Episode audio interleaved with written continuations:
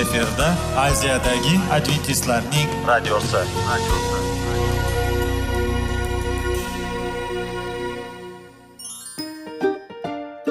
assalomu alaykum aziz radio tinglovchilar sog'liq daqiqasi rubrikasiga xush kelibsiz.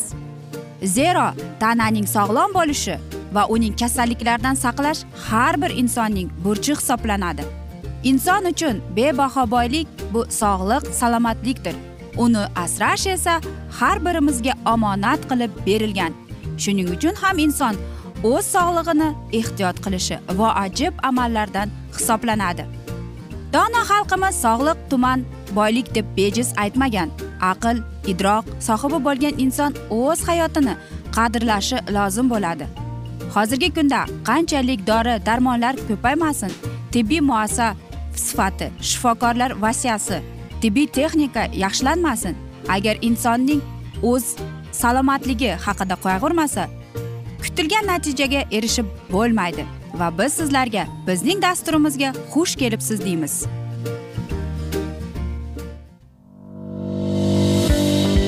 Sog'liq daqiqasi soliqning kaliti qiziqarli ma'lumotlar faktlar. Har kuni siz uchun foydali maslahatlar. Sog'liq daqiqasi rubrikasi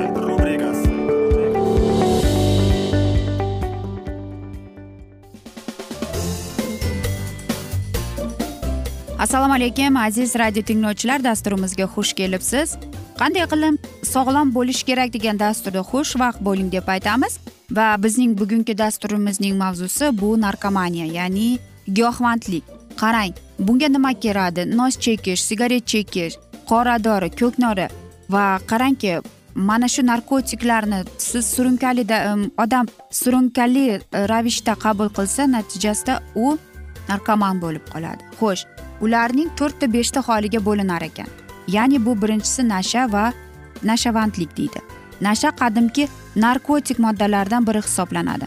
Nasha konoplidan olinadi. Nasha gashish maxsus hidga ega bo'lgan uning ta'sirida esa bir ming to'qqiz yuz oltmish to'rtinchi yilda farmakologlar tomonidan ajratib olingan va sintez qilinganligi tufayli modda to'qqiz ya'ni tetragidrokanibulon hisoblanadi. Nasha tabobatda qo'llanilmaydi. Uni yashirincha yo'llar bilan nasha changish yig'ishi bilan olinadi. Aqshda tayyorlanadigan sigaretaning tarkibida o'ttiz ellik milligramm marixuana bo'lib uning tarkibidagi mana shu tetragidrokanibol bor ekan. Foizini ikki foizni tashkil qilar ekan. Uyqu dorilarini qabul qilish tufayli narkomaniyaning kelib chiqishi ham bo'lar ekan. Uyqu dorilarini tez tez qabul qilish oqibatida odam ularga o'rganib qolib narkomaniya rivojlanadi.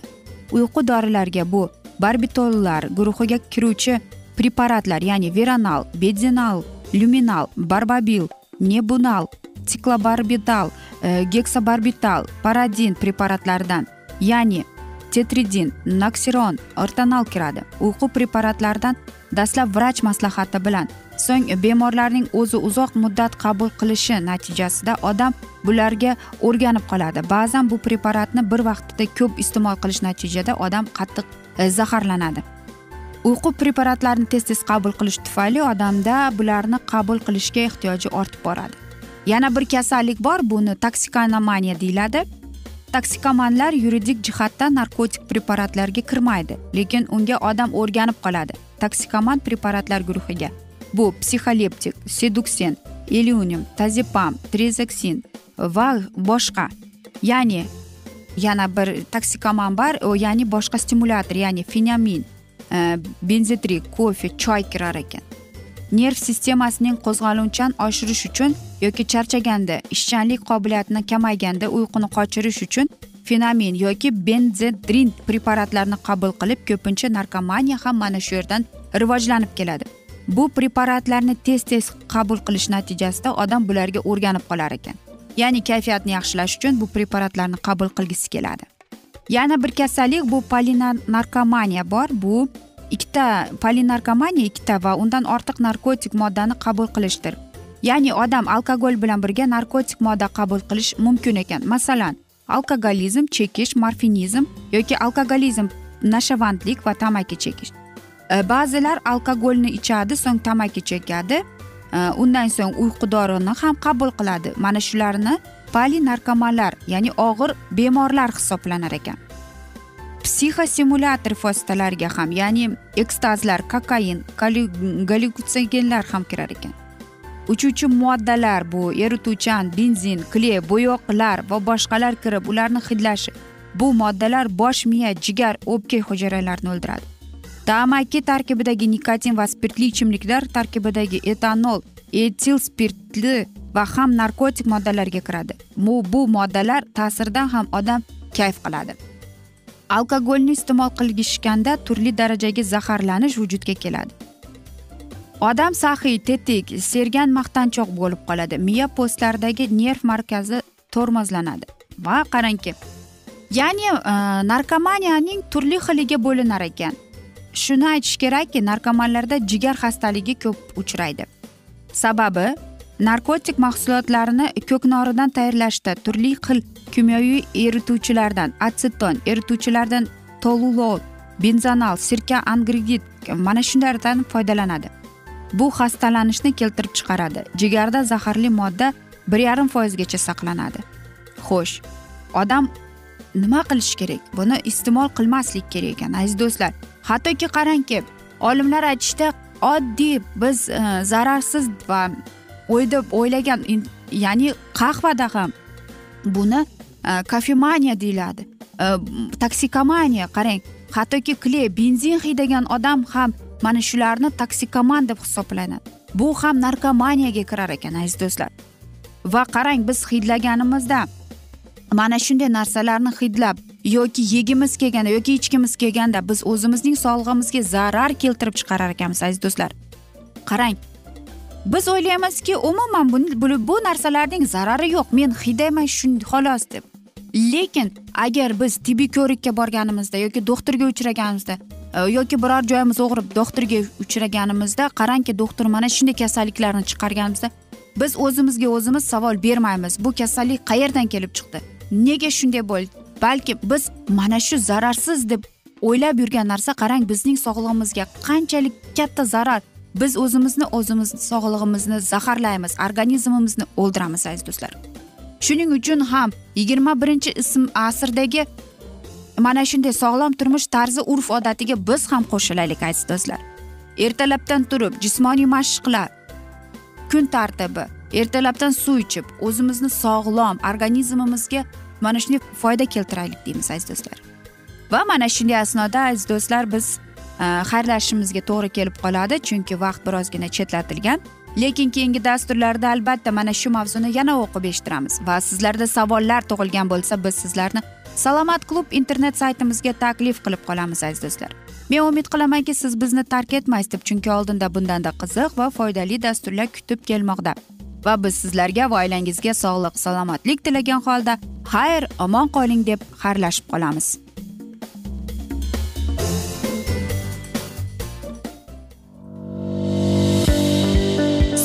Daqiqasi soliqning kaliti qiziqarli ma'lumotlar faktlar. Har kuni siz uchun foydali maslahatlar. Sog'liq daqiqasi rubrikasi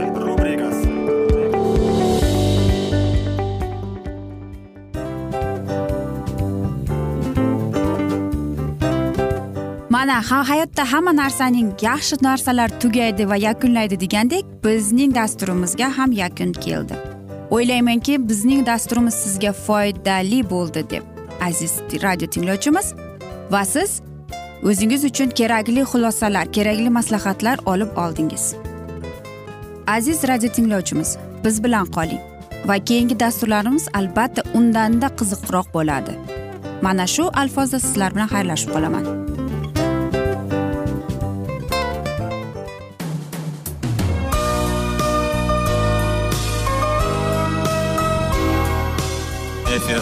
Aziyadagi adventistlarning radiosi.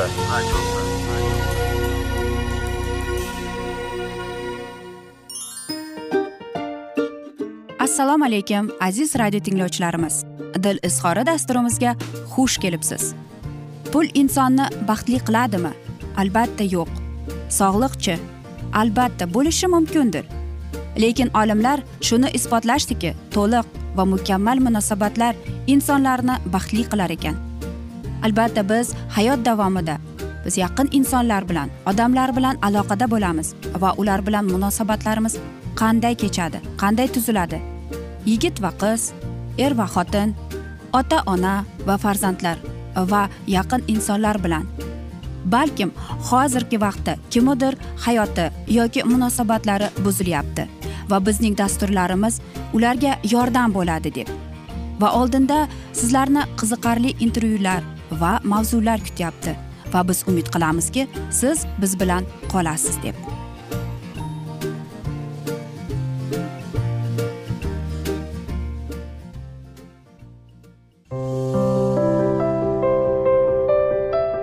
Har kuni har xil kasbdagi odamlar bilan sirlashish va bo'lishish sevgi rashq munosabat.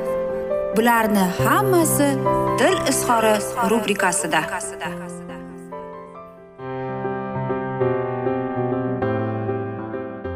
Assalomu alaykum aziz radio tinglovchilar. Dasturimizga xush kelibsiz va biz sizlar bilan topish va ushlab qolish degan dasturda xushvaqt bo'ling deb aytamiz.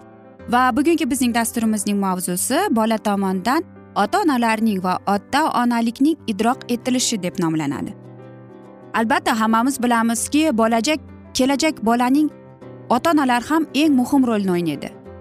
Bolaning kelajagi uning shaxs bo'lib kamol topishi ko'p jihatdan ota ona oilasi u to'g'rida farzandda shakllanadigan tasavvurlarga bog'liq ekanligi psixologiklar tomonidan ancha batafsil o'rganilgan. Tadqiqotlarda aniqlashicha bolaning o'z oilasi to'g'risidagi tasavvurlari ko'pincha ota onaning tasavvurlari va aks holat bilan qisman mos keladi.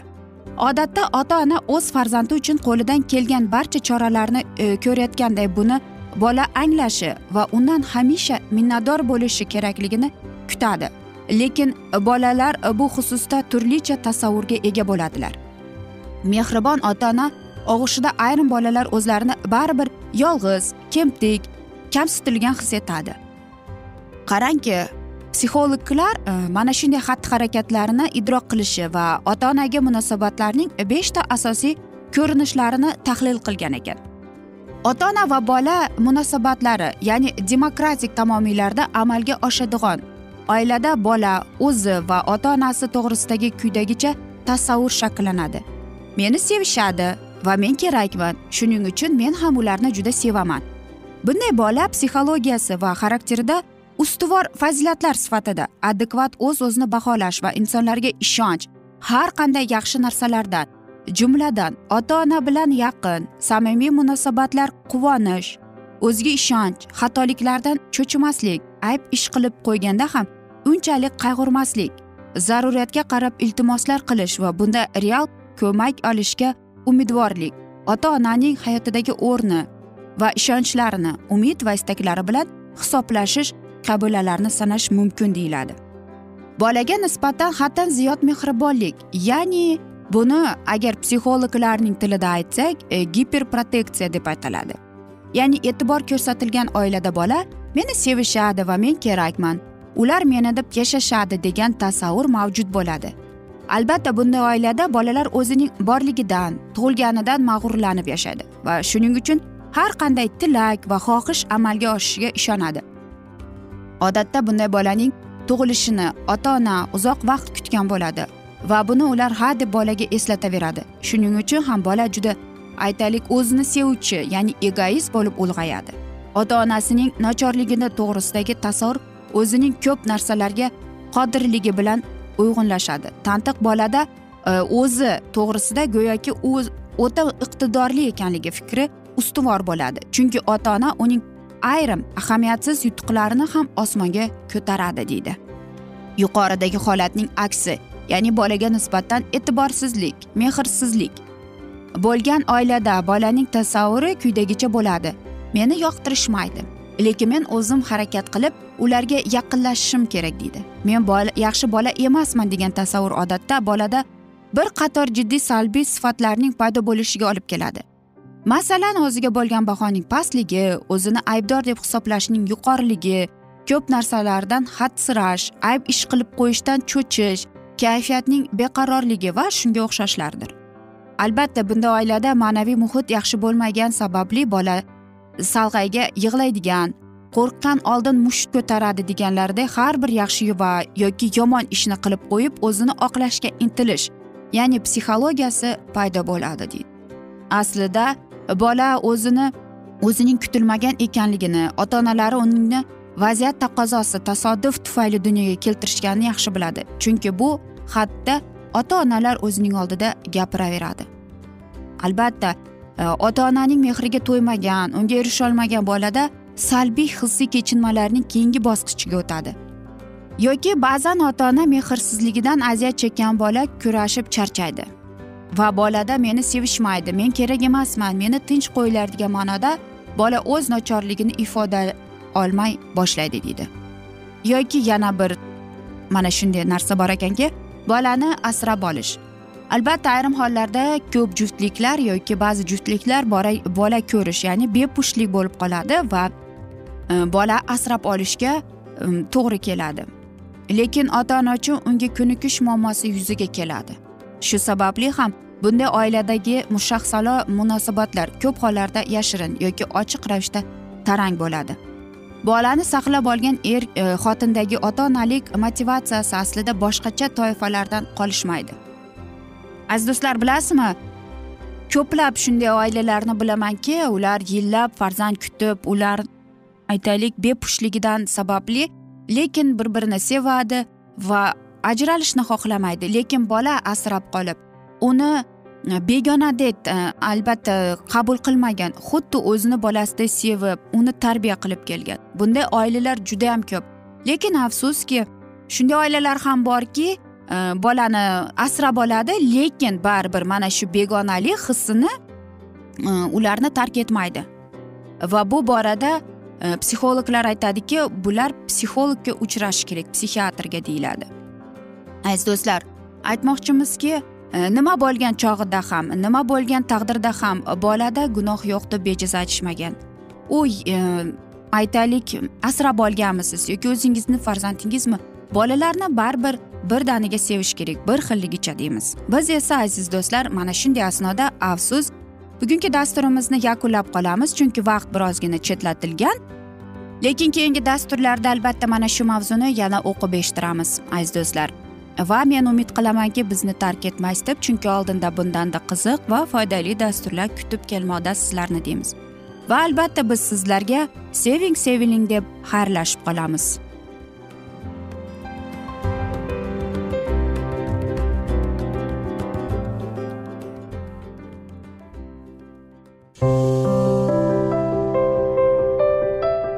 Har kuni har xil kasbdagi odamlar bilan sirlashish va bo'lishish.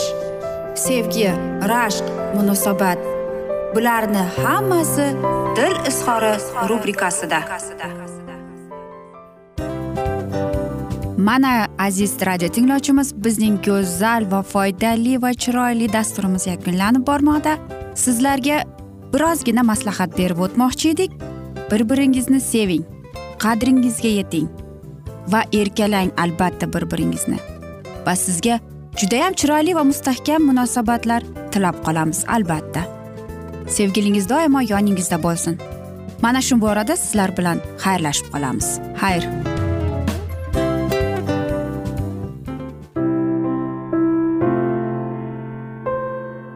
Hayotning noni. Qiziqtirgan savollar va javoblar.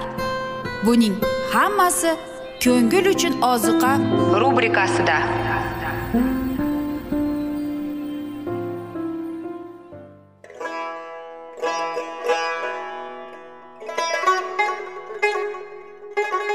Assalomu alaykum aziz radio tinglovchilarimiz. Ko'ngil uchun oziqa rubrikasida xush kelibsiz deymiz. Siz haqiqatni izlayapsizmi? Olamnimi? Umidnimi? Siz kimga murojaat qilmoqchisiz? Odamlar ko'pincha siyosat kuchiga tayanadilar. Dunyo iqtisodiyoti holati tobora chuqurlashib bormoqda. Tabiiy ofatlar va texnogen halokatlar minglab insonlarning hayotini olib ketib juda katta zarar yetkazmoqda. Sizga abadiy hayot inomini hadya qiluvchi va hayotingizni tubdan o'zgartiruvchi haqiqatni izlab toping. Xudo haqidagi haqiqat uning kalomida mujassamlashgan. Kimki bu haqiqatni butun qalbi bilan izlasa albatta unga yetishadi. Bu sevgi xudoning tarixidir. Hayotingizda yoki sizning yon atrofingizdagi olamda nimalar yuz berishidan qat'iy nazar? Siz ertagi kunga buyuk umid va ishonch hosil qilishingiz mumkin. Hozirda xudo sizga taklif qilayotgan umid ishonchga o'z qalbingizni oching va sizni qiziqtirayotgan mavzularni savollaringizga javoblaringizni topib olasiz deb umid qilamiz. Biz bilan qoling.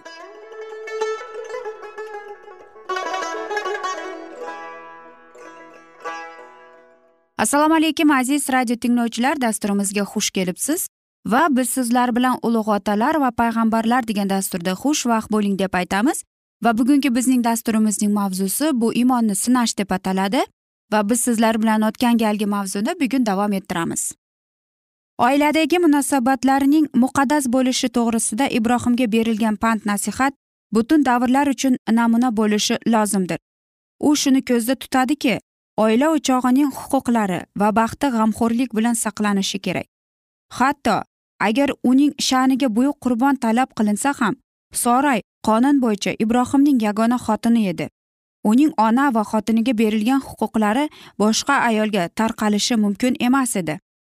U o'z erini hurmat qilardi va shuning uchun yangi ahdda o'rnak olishga sazovor bo'lib ko'rsatilgan. Ibrohimning sevgisini ikki ayolning o'rtasida bo'lishni soray xohlamadi. Shuning uchun u o'z raqibini haydab chiqarishni talab qilganiga xudovand uni ayblamadi. Soray ham ibrohim ham ilohiy kuchda shubhalanadilar va shu xato ibrohimni hojiraga uylanishga olib keldi. Xudo ibrohimni butun imonlilarning otasi bo'lish uchun da'vat etdi va uning hayot tarzi kelgusi avlodlar uchun iymonining namunasi bo'lishi lozim edi. Lekin uning iymoni mukammal suratda namoyon bo'lmadi. Bir safar u xudoning kuchida shubhalanib soray xotinini ekanini bekitdi. Ikkinchi marta esa hojarga uylandi. Ruhiy barkamollikning yuqori zinasiga yetish uchun xudovand eng uni eng og'ir sinovdan o'tkazdi. Shunday sinov inson ustiga hech qachon qo'yilmagan edi. Tungi vahiyda u muryo eriga borib toqqa chiqib sevadigan yagona o'g'li ishoqni qurbon qilishga xudovanddan buyruq oldi. Shu buyruqni olgan paytda ibrohim bir yuz yigirma yoshga to'ldi. Hatto o'z zamondoshlari ichida u keksa sanalar edi yoshligida u har qanday qiyinchiliklarni boshidan kechirib xatarning yuziga mardonlik ila ko'z tiqardi. Ammo lekin endi yoshlik alangasi o'chdi. Insonning avji kuchga to'lgan paytda har qanday yetishmovchilikni va baxtsizlikni paytida jasurona kutib olsa bo'ladi. Lekin horib torib titrab turgan oyoqlar go'rning chetiga yetganida azob uqubatlarning o'tishiga odam yuragi qolmaydi. Oxirgi haddan tashqari darajada azobli sinovni xudodan shunday vaqtda darajada ko'ch ko'rdiki qachonki yillar og'ir yuk bo'lib ibrohimning yelkasiga yotdilar va uning joni esa tashvishlardan va mehnatdan orom topib tinchlikni chaqnar edi. Otamiz bem shevagada mo'lchilikda tinch yashar edi. U juda boy va juda qudratli amir bo'lib mamlakat hokimlari tomonidan hurmat qilinardi. Sanoqsiz qo'y va yirik chorva podalari keng yaylovlarda boqilar. Qayerga nazar solinsa yuzlab sodiq xizmatkorlarning chodirlari uning ko'z o'ngida nazr etib ato qilgan o'g'il o'sdi va kuchi yashnagan vaqtga yetdi. Allaqachonlarki berilgan va'dani sabr toqat bilan kutganning fidokorona hayotini osmon olqishlab inoyatlari bilan aylantirib olgan kabi ko'rinardi. Imonida itoatli bo'lgan ibrohim tug'ilib o'sgan vatanini qoldirdi. Otalari orom topgan va o'z yaqinlarining yerda musofirchilikda hayot sayohat qilib yashardi. Nazr atalgan merosxo'rni u juda uzoq vaqt kutdi ilohiy buyrug'iga munosib ismoil o'g'lini vatanidan chiqarib yubordi. Endi esa uzoq kutilgan bola o'sib aqliga o'tiraman deganda va otamiz umidini bajo bo'layotganini ko'rdim deganida uning boshiga eng qiyin sinovlardan biri tushdi. Xudovandning buyrug'i dahshatligi bilan otaning qalbini ezib yubordi. O'zining sevadigan yagona o'g'lining ishoqni olib uni qurbon qil ishoq uning uy nuri qariganida tasalli beradigan va'da etiladigan inoyatlarning merosxori. Agar o'g'li to'satdan kasal bo'lib o'lsa ekan yoki baxtsizlik hodisaning qurboni bo'lsa ekan sevgan otaning yuragi shunchalik pachaqlanmas edi. Uning oqargan sochi boshi mayuslikda qo'yi solinar edi. Lekin buyruq bo'yicha u o'z qo'li bilan yagona o'g'lining qonini to'kishi kerak. Bu harakat unga dahshatli va imkonsiz bo'lib ko'rinar edi. Shayton unga shipillab ilohiy qonun o'ldirma deydi. Xudo o'zi man etilgan narsani qanday qilib talab qilishi mumkin deb ibrohim ko'ngliga shubha solar edi. Otamiz chodiridan chiqdi. Bulutsiz osmonning orombaxsh zangorligiga ko'zini ko'tardi va uning urg'u yulduzlarday ko'p bo'ladi degan.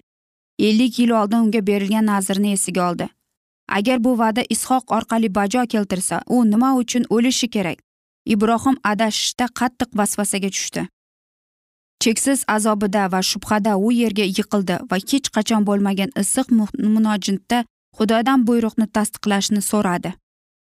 So'r shu dahshatli ishni haqiqatdan ham qilishim kerakmi yo'qmi? U esladi. Sadum shahrini vayron qilish uchun farishtalar osmondan tushgan edilar. Ular ilohiy inoyatni ibrohimga ochdilar. Xuddi shu paytda ular ishoq to'g'risida xabar keltirardiku. Ibrohim farishtalarni birinchi gal uchratgan joyiga qaytib bordi. Balki ular yanada kelib unga yo'l yo'riq berar lekin hech kim unga yordamga kelmadi. Har tomondan uni zulmat qurshab olgandek tuyulardi. Quloqlarida ilohiy buyruqning so'zlari eshitildi. O'zing sevadigan yagona o'g'ligini olgin. Bu ovozni o'chirib kel bo'lmas edi va unga bo'ysunish kerak edi. U qiladigan ishini paysalga solmaydi tong otardi yo'lga chiqish kerak deydi. Aziz do'stlar mana shunday asnoda biz bugungi dasturimizni yakunlab qolamiz. Lekin keyingi dasturlarda albatta mana shu mavzuni yana o'qib eshittiramiz. Va men o'ylaymanki hammada savol tug'ilgan. Agar shunday bo'lsa biz sizlarni adventis tochka ru internet saytimizga taklif qilib qolamiz. Va umid qilamanki bizni tark etmaysiz deb chunki oldinda bundanda qiziq va foydali dasturlar kutib kelmoqda aziz do'stlar. Biz esa sizlarga va oilangizga tinchlik totuvlik sog'lik salomatlik tilab o'zingizni ehtiyot qiling deb xayrlashib qolamiz.